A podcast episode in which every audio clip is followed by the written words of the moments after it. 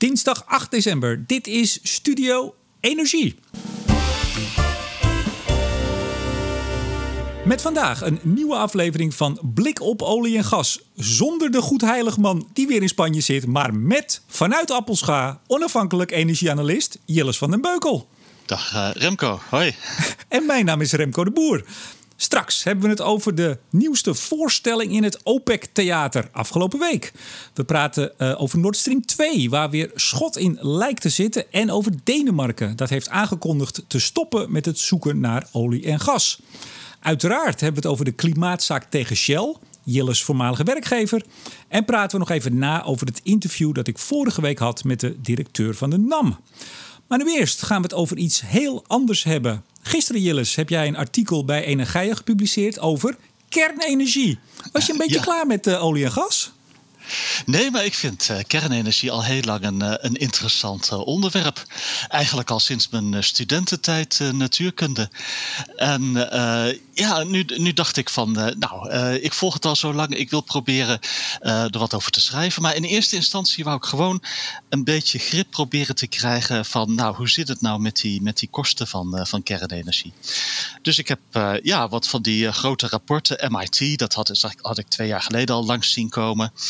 Uh, het recente ENCO-rapport, IEA. Nou ja, gewoon eens de tijd genomen. Wat schrijven ze nou over, over kernenergie? En over de kosten. Heb je daar één, één conclusie uit? Ik bedoel, we gaan het erover hebben natuurlijk. Maar is er een hoofdconclusie voor je uit opgestegen uit al die rapporten? Uh, ja, het draagvlak is een probleem, maar de kosten is het grote probleem eigenlijk. Dat vooral, dat laatste. Ja, ja.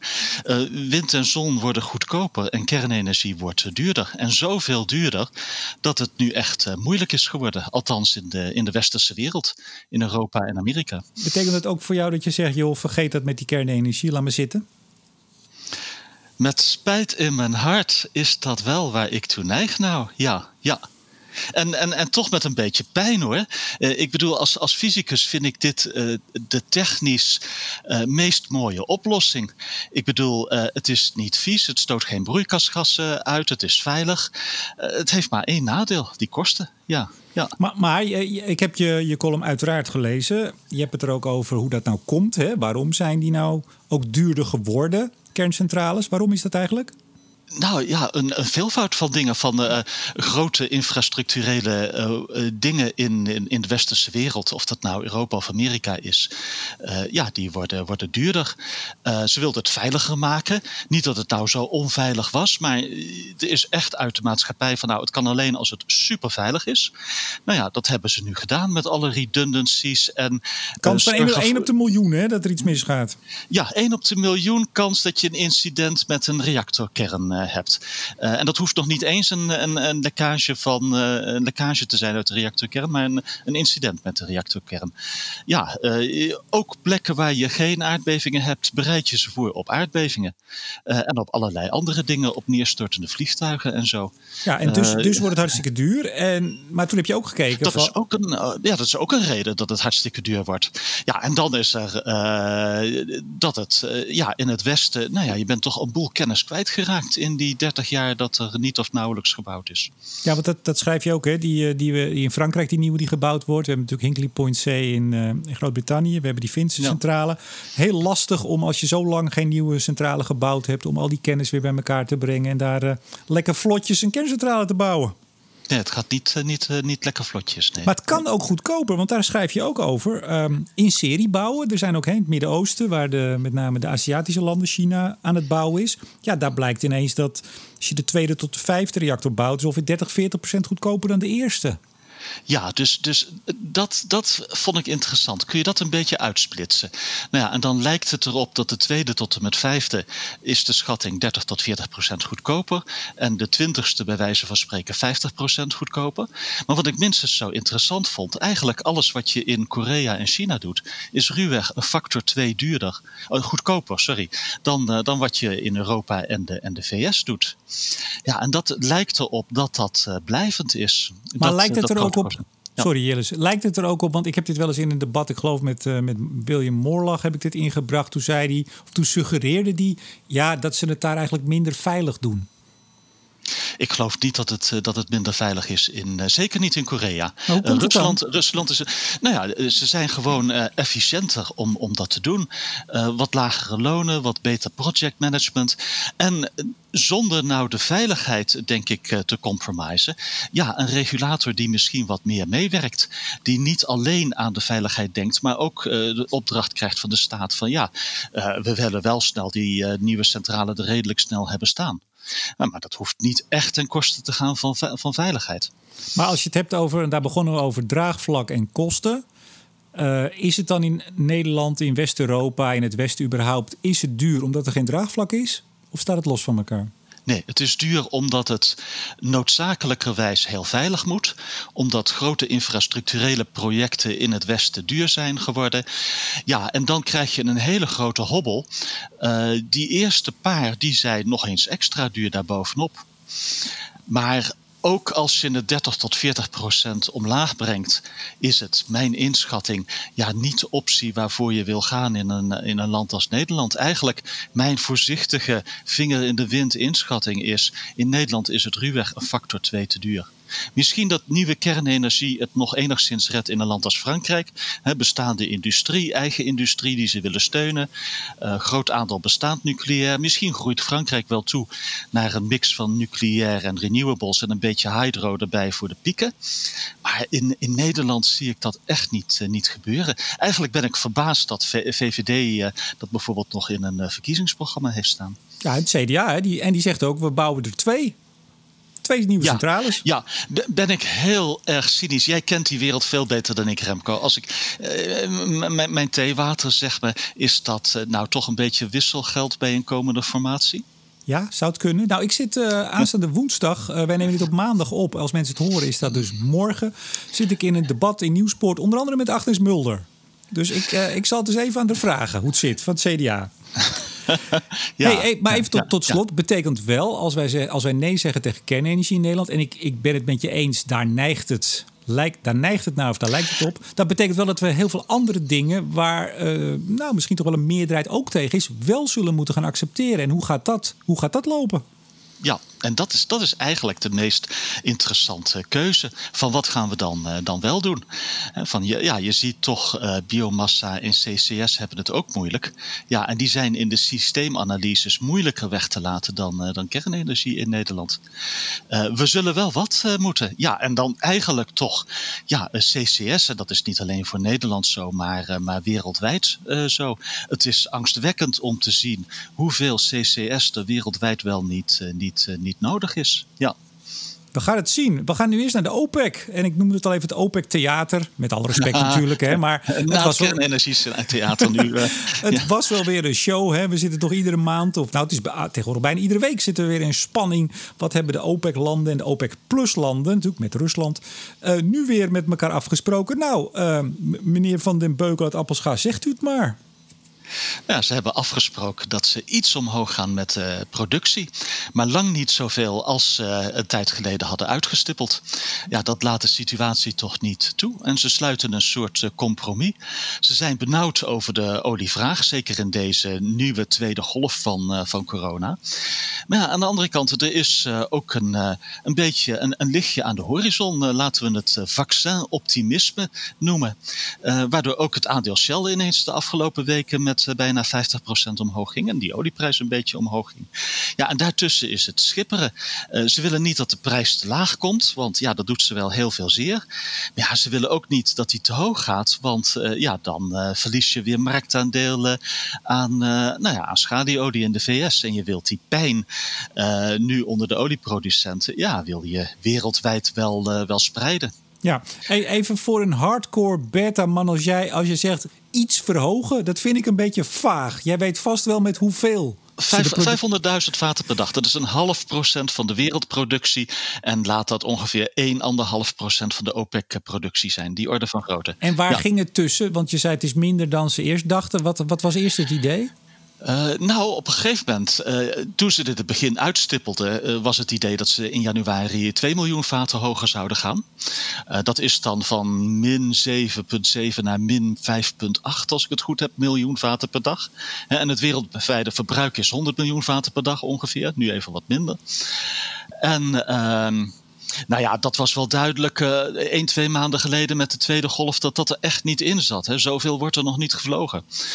Uh, en nu zijn ze de laatste weken met die vaccins die er aankomen, ja, toch wat optimistischer ertoe gekomen van, nou, we gaan ook wel iets omhoog. En daar is die 500.000 uh, vaten per dag uitgekomen. En wat opvallend was, ze waren het niet eens onder elkaar. Hè. Je ziet nou toch. Is dat opvallend, Jillis? Dat is toch, dat is toch altijd zo? Nou, nee, vroeger waren ze het ook niet eens, maar dan gebeurde er gewoon wat Saudi-Arabië wou. Uh, en nu uh, zijn ze het nog niet, steeds niet eens, maar er gebeurt niet meer automatisch wat Saudi-Arabië wil. Saudi-Arabië is een beetje, beetje macht kwijtgeraakt binnen OPEC. Plus, samen hoe, komt, met hoe komt dat? Eigenlijk omdat ze er financieel minder goed voor staan. Uh, ooit produceerden ze 10 miljoen vaten per dag en hadden ze 5 miljoen inwoners. En nu produceren ze nog evenveel en hebben ze 30 miljoen inwoners. Je hebt een jonge kroonprins, de de facto machthebber. Ja, en die wil die bevolking uh, tevreden houden. Zeker nu die nog niet echt 100% veilig op de troon zit. Dus, uh, en Saudi-Arabië heeft ongeveer 80 dollar per vat nodig om uh, niet op financiële reserves in te teren.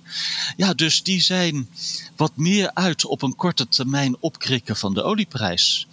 Ja, en dan zie je andere landen die nemen een meer uh, lange termijn visie, zoals Saudi-Arabië dat vroeger ook innam.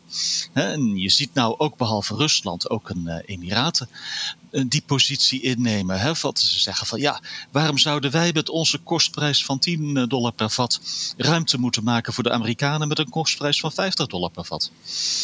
Ja, jij, je hebt hier ook weer een column over geschreven die uh, vandaag, maandag of Ja, die gisteren... staat uh, net online. Ja, ja, oh, je bent helemaal ja. opgewonden. Bij IEX, moeten we wel even goed zeggen. Bij IEX, daar schrijf ja. jij ook uh, columns. Waar schrijf jij geen columns, zou ik bijna zeggen. Maar nou, daar heb je... ja, jij bent gewoon de hele dag na je pensionering... al de hele dag columns niet elke dag op tv bent tegen, hoor. Of bij de radio. Ach, kijk eens aan. hey, maar jij zegt ook dat er een structureel probleem is voor de, de OPEC. En dat is het einde van het olie... De olietijdperk begint langzaam te naderen. Doe maar. Ja, nou, dat, dat, dat, dat is toch ook zo? Denk je van niet, Remco? Nou nee, kijk, jij bent hier de man van de, van de columns. Dus uh, nee, maar even, dat is wel, want ik, we hebben het ja, afgelopen jaren... Stukje, en daar zit een stukje psychologie bij ooit. Van ja, vroeger wisten we ook dat olie ooit dat tijdperk tot zijn einde zou komen. Maar lag je daar uh, niet wakker van? Dat, dat ging nog decennia lang duren. En, en nu is dat ja, wat, wat dichterbij gekomen. Ja, en, en lees je er elke dag wat over in de krant, bij wijze van spreken. Maar je, je zegt, we, we dachten toen decennia lang, maar hoe lang duurt het nu nog voordat het einde daar is, denk je? Nou, ik denk dat je 2050 een heel eind op weg moet zijn. Maar dat is, denk... ook, dat is ook decennia, ja, maar drie decennia is toch wat langer dan. Uh, nou ja, dan acht we decennia. Zien wel. We zien wel. Kijk, en vergeet niet, uh, Saudi-Arabië heeft toch uh, zes, zeven decennia alleen al aan bewezen reserves. En, en bewezen is, is de lage schatting. In, in, in, werkelijkheid hebben ze misschien nog voor 100 jaar. Ja, dat, datzelfde geldt ook voor landen als Kuwait en de Emiraten. Die blijven straks echt serieus met grote hoeveelheden olie in de grond zitten. Maar bijvoorbeeld als het gaat over de gaswinning, hebben ze ook veel gas? Gas? Nee, dat is het probleem daar. Ze hebben te weinig gas. Vooral Saudi-Arabië. Ja, anders zouden ze leuk blauwe waterstof kunnen maken tot het einde der tijden. Ja, ja nee, de, het zijn de Russen die het meeste gas hebben en de Saoedi's die het meeste olie hebben. Daar heb je het in een uh, nutshell. Nee, Saudi-Arabië heeft gastekort eigenlijk. Daarom, tot voor kort hadden ze ook dat ze soms als enige land zo'n beetje ter wereld nog wat elektriciteitscentrales gewoon op ruwe olie hadden lopen. Joh. Dat kun je niet meer voorstellen. Maar de Saoedi's deden dat in de zomer als, als alle airco's aanstonden. En in, in hoeverre is Saudi-Arabië bezig om enorme zonneparken aan te leggen? Uh, nou, daar zijn ze ook wel serieus uh, mee bezig. En, en ook de Emiraten bijvoorbeeld en ook dat soort landen. Want uh, ja, als je, zeker als, als je anders olie verstookt, ja, dan wil je wel op zonne-energie. als er één goede plek is voor zonne-energie, is het wel in, in, in de desert in, in Saudi-Arabië. Ja. Dus oftewel, het, het vereist even wat omdenken voor de Saoedi's. Maar als ze straks uh, gewend zijn aan het idee dat olie ophoudt en ze overvloedig in de zon zitten en daar dus ook weer waterstof mee kunnen maken, wie weet tot wat voor een gouden eeuw ze gaan komen. Ze hebben niks principieels tegen zonne-energie, net zoals ze in Texas niks hebben tegen windenergie. Die vind je daar ook in de Panhandle in uh, West-Texas in, in, grote mate ondertussen. Ja. Nou, over het einde van het olietijdperk gesproken en misschien ook wel het gastijdperk. Denemarken, daar was nieuws over vorige week. Uh, kop in het FD. Denemarken stopt met de winning van olie en gas uit de Noordzee. Doe maar. Was dat de kop? Echt? Ja. Oei, oei, Ja. Hoezo oei, nou, ja, oei, ah, ah, ah, nou ze, ze stoppen niet met olie en gas. Ze stoppen niet met produceren van olie en gas. Waar wel mee? Ze, ze stoppen ook niet met het zoeken naar olie en gas. ze, ze stoppen met het uitgeven van nieuwe licenties. er zit een achtergrond bij. Uh, de achtste ronde kwam eraan. Uh, van het, en dan kunnen uh, oliebedrijven en gasbedrijven dus nou ja, een aanvraag doen voor een nieuwe licentie. Nou ja, en ja, je begrijpt wat voor interesse was daarvoor. Nou, nul dus. Nou ja, en toen hebben ze, ja, sorry, ik klink een beetje gechargeerd en cynisch. Toen hebben ze bij de regering gezegd, weet je wat, daar maken we een mooi nieuwsitem van. We gaan stoppen met, uh, met exploreren naar olie en gas. niemand wil gaan zoeken en nu gaan wij net doen alsof wij ermee willen stoppen. Zoiets. Echt waar? Ja, echt waar. Er was, uh, kijk, er is één serieus groot bedrijf, uh, dat is uh, Total in Denemarken. die hebben de boedel van Maersk Oil en Gas overgenomen. jaartje of drie, vier geleden. Nou ja, en die hebben nagedacht van, gaan we nog een nieuwe aanvraag doen voor gebieden? En uiteindelijk hebben ze dat niet meer gedaan. Nou, daarna bleef er, geloof ik, nog één klein onafhankelijk bedrijfje over, wat misschien wel een totaal interessant gebied, heel speculatief, een licentie wou aanvragen. Maar in wezen was er geen eh, geen belangstelling meer voor. Maar waarom niet? Waarom geen belangstelling? Uh, A, geologisch is het behoorlijk op in Denemarken. Denemarken had één heel succesvolle play, zoals wij dat noemen. Een, een, een, een, een uh, de chalk, de kalksteen.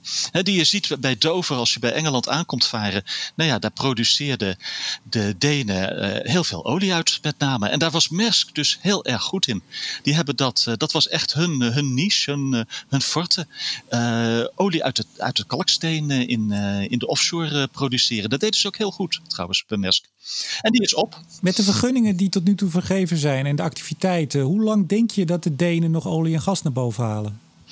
Uh, nou, de productielicenties lopen tot uh, 2042, de belangrijkste, die van uh, Maersk nu totaal. En die, hebben, die doen op dit moment nog heel grote investering om dat nog een jaartje of 10, 20 te kunnen blijven doen. Die hebben een centrale processing hub, die heet Tura, en die krikken ze een paar meter omhoog. Ja, dat is, dat is niet goedkoop hoor, daar gaat een paar miljard in zitten. Dus het is niet zo dat ze in Denemarken nu niks meer doen in, in olie en gas. Maar kan, kan, kan het ook zijn dat uh, de komende jaren, als misschien de prijzen stijgen, of er nieuwe technologieën zijn, of er nieuwe uh, datamanieren zijn om te kijken of er misschien toch nog veel meer olie en gas zit? Dat hebben we eerder, eerder gezien. Dat er misschien toch weer nieuwe exploraties gaan plaatsvinden? Nou, die kans is wel heel klein. En dan kan ik je uh, een, een geheimtje bij verklappen. Uh, je, je, refereerde aan mijn vorige werkgever Remco. Het laatste wat ik voor mijn vorige werkgever deed... was de vorige exploratielicentieronde in Denemarken in 2015. Ja, ik heb nog even bij jouw LinkedIn gekeken vandaag. Want ja, dat stond dat gezien, bij. Ja ja ja, ja, ja, ja, Team Lead Exploratie Denemarken. Nou, dat was geen groot team hoor, maar... Uh, was je in je eentje met, met een hulpje of zo? Uh, als, als ik het echt heel druk kreeg, dan kon ik kijken of er nog iemand uh, in kon springen. maar het laatste wat ik deed was inderdaad die zevende ronde voorbereiden. En toen hebben we toch eigenlijk gezegd, ik denk dat ik dat wel kan zeggen zo onderhand. Jongens, we hebben in Denemarken verschrikkelijk veel gas verdiend door partneren te zijn met uh, Maersk in die tijd. En die kalk, die olievelden in die kalksteen helemaal leeg te zuigen. Dat werkte goed in Denemarken en de rest werkt niet. Kijk eens aan. En ik zeg inmiddels even, als er wat achtergrondgeluid hoort, ik weet niet of jij het hoort, maar ze zijn hier bij mij in de buurt de kades aan het schoonspuiten onder hoge druk. Dat maakt nogal een herrie. Dus als okay, luisteraars nou. denken, wat hoor ik daar nou? Het is niet bij me thuis, het is buiten. Oké, nee, hier drupt alleen maar zachtjes de regen. Ach, kijk, het prachtige appelscha. Nord Stream 2. Ja, dat was ook nieuws. Daar gaan ze weer mee aan de slag, als het goed is. En dan moeten we natuurlijk altijd als we het over Nord Stream 2 hebben, Jilles... eerst even hebben over de Academic Chersky. Hoe staat het met dat schip? Nou, hij schijnt weer op. hij, hij, heeft de hele zomer is die heen en weer gevaren tussen de Duitse haven en Kaliningrad. iedereen is benieuwd wat ze precies voor upgrades hebben gedaan aan die pijpenlegger, maar niemand weet dat precies. maar het lijkt erop dat hij nu inderdaad vaart om een klein stukje pijp te gaan leggen. Want ja, dat is wel de kleine lettertjes die je niet zo in de krantenkop tegenkwam. ze hebben aangekondigd dat ze een heel klein stukje gaan leggen. Niet die 100 kilometer die ze nog moeten doen. Nee, ze gaan nu anderhalf kilometer leggen. Ja, testje dan, denk ik. Ja, eh, ik denk inderdaad een test. En waarom kunnen ze die test doen? Nou, die anderhalve kilometer is het enige kleine stukje in Duits water wat eh, ondiep water is. Daar gelden de sancties niet.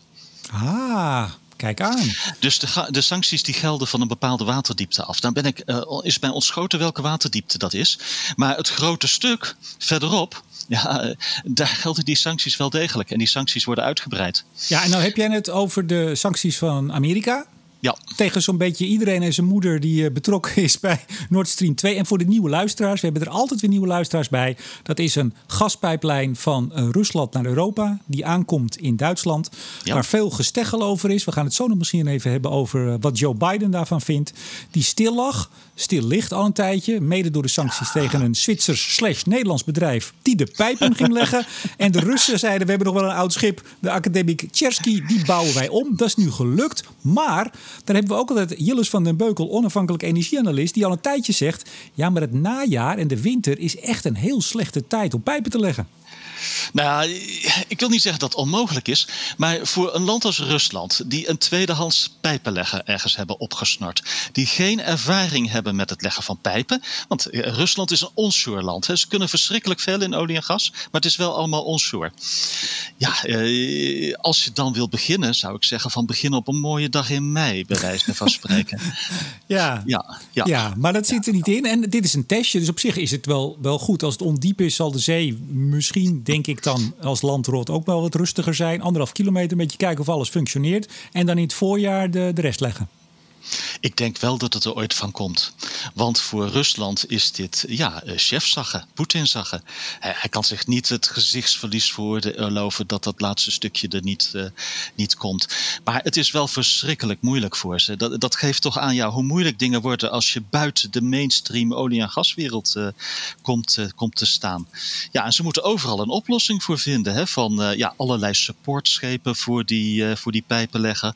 Nou ja, dit moeten ze zelf doen.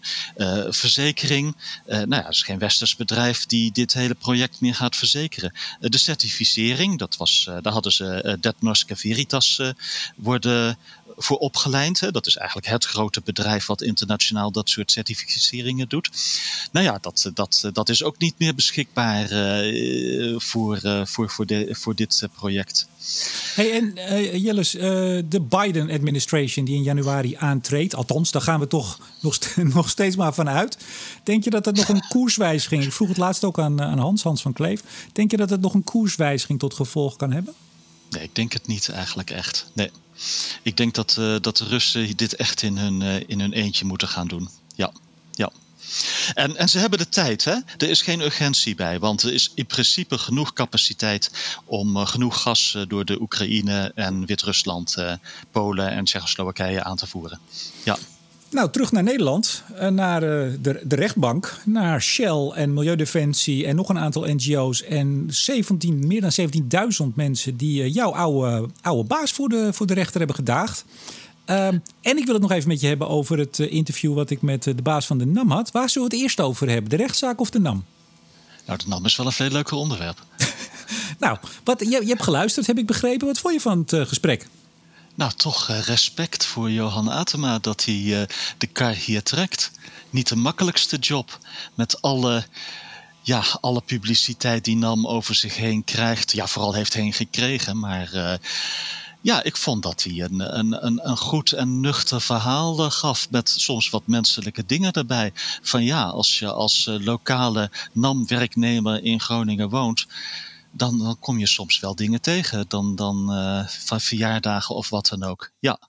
Van, dit heeft toch echt een grote invloed gehad op de mensen die bij de, bij de NAM uh, werken en werkten. Ja, Want, want je bedoelt eigenlijk volgens mij te zeggen, wat hij in de podcast zegt, dat mensen op een gegeven moment niet meer werden uitgenodigd in kleine gemeenschappen voor bepaalde feestjes. Sommigen ook verhuisd zijn. Ja. Ik, ik zei, ik hield hem voor, uh, wat, wat ik wel eens begrepen had, dat er ook mensen bedreigd zijn. Nou, daar doet hij geen uitspraak over. Dat, dat doen, doet men nooit eigenlijk. Hè? Uh, dingen die echt uh, fout gaan op dat vlak. Maar hij zei, en dat vond ik wel mooi, hij schetste meer dit beeld. Hè? Want het is ook vaak gewoon subtieler. Maar ja, minstens zo, althans voor de mensen die het betreft, natuurlijk minstens zo vreselijk. Dat je op een gegeven moment er, ja, er buiten staat als, als werknemer, buiten de gemeenschap. Ja, ja. En dat, dat, dat, is het ook. En ja, dat geldt op, op het niveau van de individuele werknemer. Maar ja, dat geldt toch ook een beetje voor het, uh, voor het bedrijf. Uh, het werd toch een, een beetje de paria van de energievoorziening in, uh, in Nederland. En ja, dat, dat vind ik ergens jammer voor een bedrijf wat uh, ooit dit gas uh, gevonden heeft. Hè. Uh, dat hebben ze nou ja, voor eigen rekening en eigen risico is er in heel Nederland geboord naar olie en gas in de jaren 50. Zij hebben dat gevonden. Ja, en ze hebben toch decennia lang, zonder dat die gasvoorziening ooit uitviel, voor, uh, voor gas en voor energie verzorgd. Maar heb, jij, heb jij nou ook door de, voor de NAM gewerkt? Want jij, jij werkt ooit, in... Ja, nou ja, op een gegeven moment, laat ik het zo zeggen. Ik heb ooit een tijd in Assen op kantoor gezeten en daar deden kleine gasveldjes aan de Engelse kant en aan de Nederlandse kant. Dat was een joint venture van NAM en Shell Expro. Daar heb ik een tijd voor gewerkt, ja. Ja, ja want in, in de podcast heb ik het er met hem over dat uh, voor mij altijd Shell heel nadrukkelijk aan de NAM gekoppeld is. En ik gaf het voorbeeld ook dat hij bijvoorbeeld ook een Shell uh, e-mailadres ja, ja, heeft. Ja. Kun jij daar wat meer licht op werpen? Want we kwamen er niet helemaal uit. Hij wilde heel nadrukkelijk aangeven. Hè, NAM is een zelfstandig bedrijf, joint venture van Shell en Exxon. Maar ja. uh, er werken meestal uh, in de top althans uh, Shell mensen. En nogmaals, Shell e-mailadressen. Dat is toch ook niet handig dan dat je een Shell e-mailadres hebt? Als je NAM als bliksemafleider voor Shell wilt laten fungeren en het vuile werk wilt laten opknappen. Ja, dan is het niet handig als je een Shell e-mailadres hebt. Nee. Is dat zo? Hebben ze het als bliksemafleider? Zo is het de facto daar wel op neergekomen. Of dat gepland is, is een ander verhaal. Maar ja, daar kwam het toch wel op neer. Van de slechte Groningen publiciteit naar de NAM laten gaan en niet naar Shell of ExxonMobil. Maar goed, ja. hij heeft natuurlijk wel gelijk. Hè? Het is een uh, zelfstandig bedrijf met twee ja. aandeelhouders. Dus het klopt formeel ja, wel. Het, het, het, dat is uh, geen geheim, denk ik. Van, nou, je hebt ongeveer 90% lokale staf en het meer specialistisch personeel, de geologen. Uh, het management, ja, dat komt van Shell af en dat wordt daar voor vier jaar neergezet in, in Assen. In het, ja. uh, in het gesprek benadrukte hij toch ook wel vrij duidelijk uh, dat we nog wel wat gas nodig hebben en hoe we daar in hemelsnaam aan gaan komen. Dit zijn mijn woorden, dames en heren. Zo zei hij het uiteraard niet. Uh, wat, wat, wat vond je daarvan? Nou, het viel me op dat hij, ja, hij probeert de moed erin te houden met de kleine velden. Wat kan hij anders? En je ziet uh, eigenlijk bij alle gasproducenten in Nederland. Aan de ene kant proberen ze de regering duidelijk te maken hoe verschrikkelijk het slecht het wel niet gaat. Aan de andere kant, ja, je loopt een zeker risico. Als het echt zo slecht gaat, nou ja, dan neem je ook uh, de drive weg om nog iets te doen, investeringsaftrek en dat soort dingen. En ja, ze moeten natuurlijk ook uh, een, een, een, lokale uh, Shell uh, of een lokale gasproducent moet ook proberen bij het hoofdkantoor nog geld los te krijgen voor deze kleine OU in een klein land aan, een, aan de Noordzee. Zie jij nog toekomst voor de NAM? Ik ben bang dat het op de lange duur uh, er geen NAM meer zal zijn. Simpelweg omdat uh, gasproductie uit Nederland verdwijnt. Oké, je bent een tijd bezig met die hele zooi op te ruimen. Tot 2035 wel bij een inschatting Groningen. Uh, maar dan, ja, als je nu geothermie uh, wilt gaan doen, dan, dan stal je dat denk ik onder de Shell Nederland uh, vlag. Dat, dat, vertelde hij wel mooi, hè? Zij, de NAM is als twee ouders, vader en moeder. En de een wil wel op wintersport en de ander niet. En wij zijn met de een op wintersport gegaan. Oftewel, geothermie is nu bij Shell ondergebracht. Daar wilde de Exxon dus niks mee te maken hebben. Nee, en Exxon wou in de tijd ook niet meer aan, uh, aan Schonebeek beginnen. Dat, uh, kijk, er is lange tijd uh, geweest van, nou ja, dat Shell de Nederlandse staat wel een plezier wou doen door toch te proberen alles op alles te zetten om dingen nog uit die kleine velden te halen en ook Schonebeek. Ben je er nog, Jillis? Want ik hoor jou niet meer. Hallo, hallo, hallo. Nou, dat klinkt niet goed als uh, Jillis niet meer te horen is. Um, ik ga eens even kijken of we de verbinding kunnen uh, herstellen. Want we zouden het nog over de klimaatzaak van Shell hebben. Althans, de klimaatzaak tegen Shell. Misschien is er wel van sabotage sprake. Nee, natuurlijk niet. Dat is een grapje. Ik ga eens even kijken of ik Jillis nog kan vinden. En zo niet, dan is dit het, het wat, wat vervelende einde van deze podcast. Ja, beste luisteraar, daar zijn we weer. En gelukkig hebben we weer contact kunnen leggen met Appelscha. Wat gebeurde er, uh, Jillis? Draadje stuk? Uh, nee, lost connection to server. Ik denk oh. dat dit een uh, Zencaster dingetje was. Oh, ja, want ik, ik, ik zei al, we, we, moeten het nog over de klimaatzaak tegen Shell hebben. Er zal toch geen sprake zijn van, van sabotage? Nee, nee, niet op deze manier.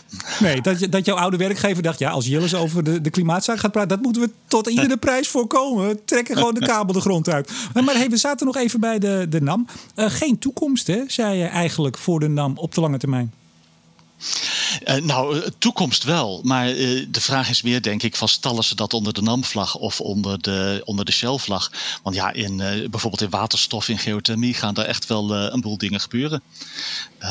ja, ook in, in, in waterstof het North H2-project bijvoorbeeld. Ja dat, ja, dat is de toekomst van gas in Nederland. Ja, waar vandaag nieuws over was, althans op maandag. Ja, Equinor en uh, RWE die stappen in, begrijp ik.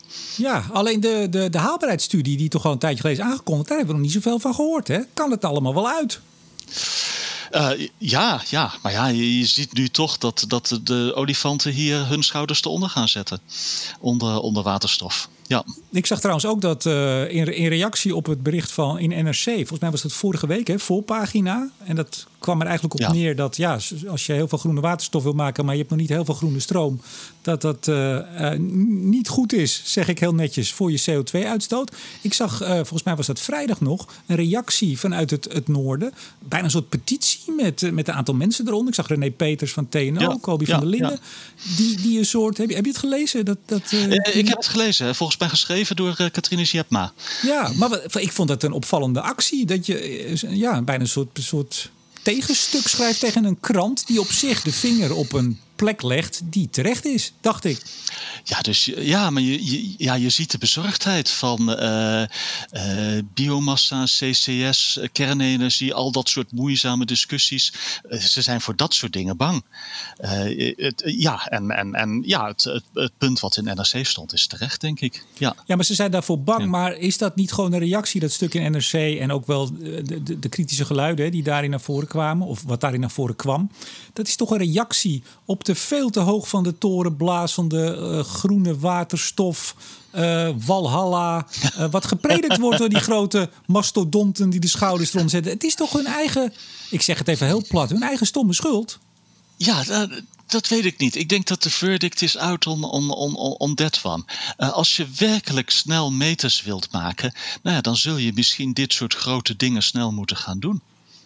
Alla de manier waarop Nederland van kolen naar aardgas is gegaan in een paar jaar in de jaren zestig. Ja, maar dat hoor ja. ik vaker, uh. Ja. Net als inderdaad hè, aan het, uh, het, het, aardgasnet. Maar de jaren 60 uh, zijn niet te vergelijken met deze tijd. Als het gaat over politieke verdeeldheid. Als het gaat over de mondigheid van de burger. De invloed ook van de burger.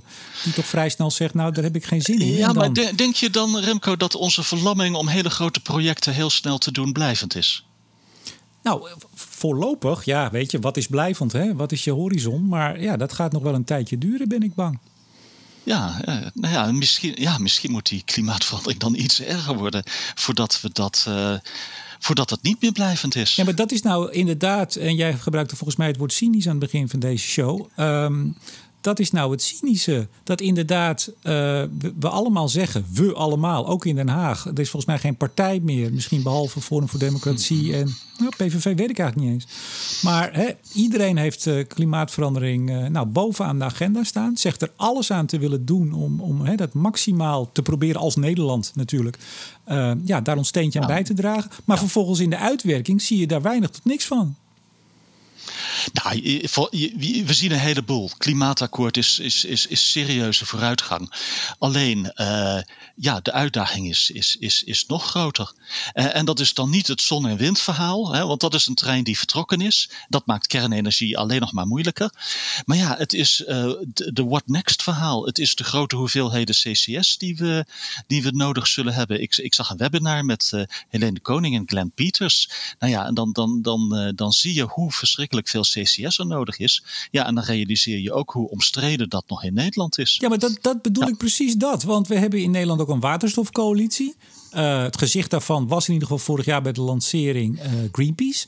Daar zitten allerlei NGO's in. Maar het woord blauw, dat mag er niet in voorkomen. Het moet alleen over groen gaan. En dat is nou precies waar NRC, Hester van Zanten, uh, de vinger op legde. Helemaal terecht. Ja, als je zegt we gaan voor groen, het mag alleen maar groen, het moet groen zijn. Dan gaat het de komende jaren, nou, zeker tot 2030, gewoon niet vliegen. En dan krijg je dus Krijg je dus een weerstand daartegen? Want dan zeggen mensen, nou, krijg nou wat. Dan gaan we nog meer uitstoten straks. Dus je, je zult aan blauw moeten, is mijn voorzichtige... Want ja, dit is niet mijn echte onderwerp. Uh, misschien wel een volgende artikel hoor, maar dan over een maand of twee. Maar, maar die, die, die grote partijen, durven die dat te zeggen? Nee, dat is dus het grote probleem. Die zijn ook een beetje bang voor, voor de NGO's. Die willen allemaal in het groene gelid lopen. En die zouden moeten zeggen, dames en heren, als we dit willen dan moeten we dus beginnen met blauw. Of dus, dan moeten we ook beginnen met blauw, laat ik het uh, genuanceerder zeggen. Maar dat doen ze niet. Ja, en dan is dit de reactie. Ja, en dan komt er ineens een stuk met een aantal uh, grote namen eronder om te proberen tijd te keren. Ja, ik, uh, ik heb dit vaker gezien, Jillis, dat weet je. Ik ben met een nieuw boek bezig. Je ziet het, je zag het de afgelopen jaren op alle terreinen. Groots aankondigen, de nadelen eigenlijk een beetje buiten zicht laten, laten zien. Kijk eens, wij deugen. En dan vervolgens komt daar een soort backlash op. En dat is vaak het begin van het einde, althans van het draagvlak voor een bepaalde technologie. Ja, maar dan is het wel hoopgevend toch dat je nou, bijvoorbeeld een land als Duitsland hier ook serieus de schouders onder ziet zetten onder waterstof. En dat bedrijven als RWE en Equinor hier, uh, hier instappen. Maar denk je dat, dat, dat een bedrijf als RWE, wat uh, op, op veel terreinen uh, uh, heel erg bekritiseerd wordt, ook weer, dat dat nou helpt aan het draagvlak voor dat project in het noorden? RWE, twee kolencentrales, nog wel wat andere centraletjes staan. Denk je dat het helpt? Of dat het misschien zelfs wel een beetje schade kan toebrengen? Nee, ik geloof niet dat het samenwerken met, met Duitse bedrijven en met Duitsland uh, schade kan toebrengen. Ik denk eigenlijk dat het heel goed is als uh, Nederland in dit opzicht een beetje aansluiting doet, uh, zoekt bij, bij grootmacht Duitsland toch. Ja. Ja. Misschien, kijken, misschien lezen wij toch niet altijd dezelfde lectuur. Jilles, denk ik. Uh, Remco, uh, ik heb lang uh, geëxploreerd naar olie en gas. Als je exploreert, dan moet je een optimist zijn. Kijk, dat is hartstikke goed. Daarom zijn we ook zo'n leuk setje. Hè? De klimaatzaak Shell. vorige week twee zittingsdagen geweest. Komen er nog twee aan. Hoe, hoe goed of hoe slecht volg jij die zaak tegen jouw oude werkgever? Nou, ik, ik, ik, heb dus een, een uurtje geluisterd naar de livestream. Ja, en ik ben toch enigszins, wat zal ik zeggen, daar werd ik verschrikkelijk gaar van. Is uh, een juridisch uh, gebeuren. Ja, dat is natuurlijk ook heel gek. En dat is ook niet gek. En het is ook heel naïef om te verwachten dat het anders zou zijn. Maar dingen als een kelderluikarrest, ja, die zeggen mij toch minder dan praktische dingen in, in, in, in, in, uh, in olie en gas en zo. Ik, ik, kijk hier met zulke andere ogen naar. voor mij, ik ben een pragmatist. En eh, ik redeneer gewoon van ja, als eh, Shell minder olie gaat produceren, dan gaat uh, Rosneft en Petronas en de uh, Iraqi Petroleum Company, die gaan er allemaal meer produceren. En dat is eigenlijk helemaal niet goed voor de, voor de strijd tegen klimaatverandering. Maar, maar is het idee niet, Jilles, dat uiteraard, dat snapt Milieudefensie en de andere partijen snappen dat natuurlijk als geen ander, dat het begint bij Shell en nou, als ze hopen natuurlijk dat ze in het gelijk worden gesteld, dat Shell uh, door de rechter wordt opgedragen om uh, sneller, minder uh, te gaan uitstoten. Ik zeg het maar even heel kort. Nou, dat daarna misschien Total en Exxon en dat je zo langzaam één voor één de, de, de domino-stenen gaan vallen, totdat uiteindelijk ook de partij die jij nou net noemt, ook op een gegeven moment in, het, in de verdediging komen. Is dat ja, niet de strategie? Uh, dat kan de strategie zijn, maar uh, het probleem is dat. Uh, kijk, het gaat in wezen in de oliewereld niet meer om de IOC's, om de Shells en, en Totals van deze wereld. Dat zijn de kleine jongens geworden. de grote jongens, dat zijn de Rosnefts en de Saudi Aramco's en de Petronassen Nou ja, en daar heb je geen grip op met dit soort dingen. Want die werken en functioneren in landen waar olie en gas van levensbelang is. En, en, en die gaan niet van olie en gas af. Je, je ziet uh, nu bij Poetin komen en zijn nieuwe project in de, in de Arctische olie presenteren. We gaan 120 miljard uh, investeren hier. Ja, hij wil ook 40 miljard aan belastingenvrijstelling hebben. En het geld, nou ja, dat, dat gaan we niet meer ophalen bij de shells van deze wereld en in de westerse wereld. Nee, dat halen we uit India en uit China. En als dat niet genoeg lukt, dan is er nog wel een, een bevriende oliehandelaar als Trafigura Trafigura of uh, Gunvor, die, uh, die uh, als flappentap gebruikt kan worden. Maar begrijp ik dan goed dat jij helemaal eigenlijk niet gelooft in, in het steeds voortschrijden van die transitie, waarbij we bijvoorbeeld nu op dit moment we hebben het er net over een paar van die punten gehad. Hè? Einde van het olietijdperk, wat Saudi-Arabië oh ja. ook al begint in te zien. Maar daar dat, geloof ik in, in die transitie. Ja, maar daar, daar past dit ja. toch in. Als, als een, hè, over 20, 30 jaar kijken we terug op de Urgenda-zaak als een, als een milestone. Kijken we misschien terug op de Shell-zaak als een milestone. Ik denk dat we terugkijken op de zo snel dalende kosten van olie en gas. Of sorry, van, van zon en wind. Als de grote milestone. De enabler. Dus eigenlijk de technische vooruitgang. Uh, zon en wind is haalbaar en is goedkoop geworden. En ja, waar het met waterstof heen gaat, ja, dat is een ander verhaal. Ja, dat halen we gewoon uit Groningen. we zullen terugkijken op het ETS-systeem als, uh, als toch een mooi systeem wat gewerkt heeft. Ja, op een gegeven moment werd het heel pijnlijk toen die CO2-prijs boven de, de 100 euro kwam. Maar uh, het heeft wel gewerkt hoor, dat systeem. Nou, die podcast die gaan we over 30 jaar maken. Dat is geen enkel probleem. Dus die, die zetten we vast in de agenda. Nou, mooi hè? Ja. Heb jij nog leuke dingen in het, uh, in het verschiet de komende weken? Nou, ik had een vraag aan je, Remco. Nu we aan het eind van het jaar zijn, ja, gaan we een beetje terugkijken. Dus ik, ik las een studie van een consultant. Uh, van waar alle nieuwe olie en gas gevonden is dit jaar. Dus ik begin met een makkelijke vraag. Waar oh denk je jee, dat... oh hemel. dat, dat, dat moet kunnen. Waar denk je dat het meeste gas is gevonden dit jaar? Eh, in Europa of in de wereld? Wereldwijd. wereldwijd. Gevonden. Gevonden. Um, Exploratie, hè? Nieuw, nou, nieuw de, gas. De grootste voorraden zitten in Rusland, begrijp ik altijd van jou. Ja, nou, je zit warm. Ja, dus nou, hebben ze daar ook het meest gevonden in Rusland. Dat zou ik denken, ja. Is gevonden in Rusland. Uh, dat, dat vinden ze niet speciaal leuk. Ze zoeken naar olie, maar shit, soms vind je gas. Dus uh, zo gaat dat. Hè? Van uh, ja, gas hebben ze genoeg in Rusland. Maar nou komt de moeilijke vraag. Waar denk je dat ze het meeste olie hebben gevonden? Poeh, uh, toch weer de VS? Een heel ander antwoord. In Suriname. oh, vandaar dat jij in je mailtje had één woord dan los staan. Er stond alleen het woord Suriname. ja? Dat was de clue natuurlijk. Daar nee, heb je het over gehad, hè? In, uh, toen, nog met, ja, uh, toen we met z'n drietjes waren, nog met Hans erbij. Uh, wat we nu gesplitst hebben, dames en heren, voor de vaste luisteraars. Soms met Hans, soms met Jilles.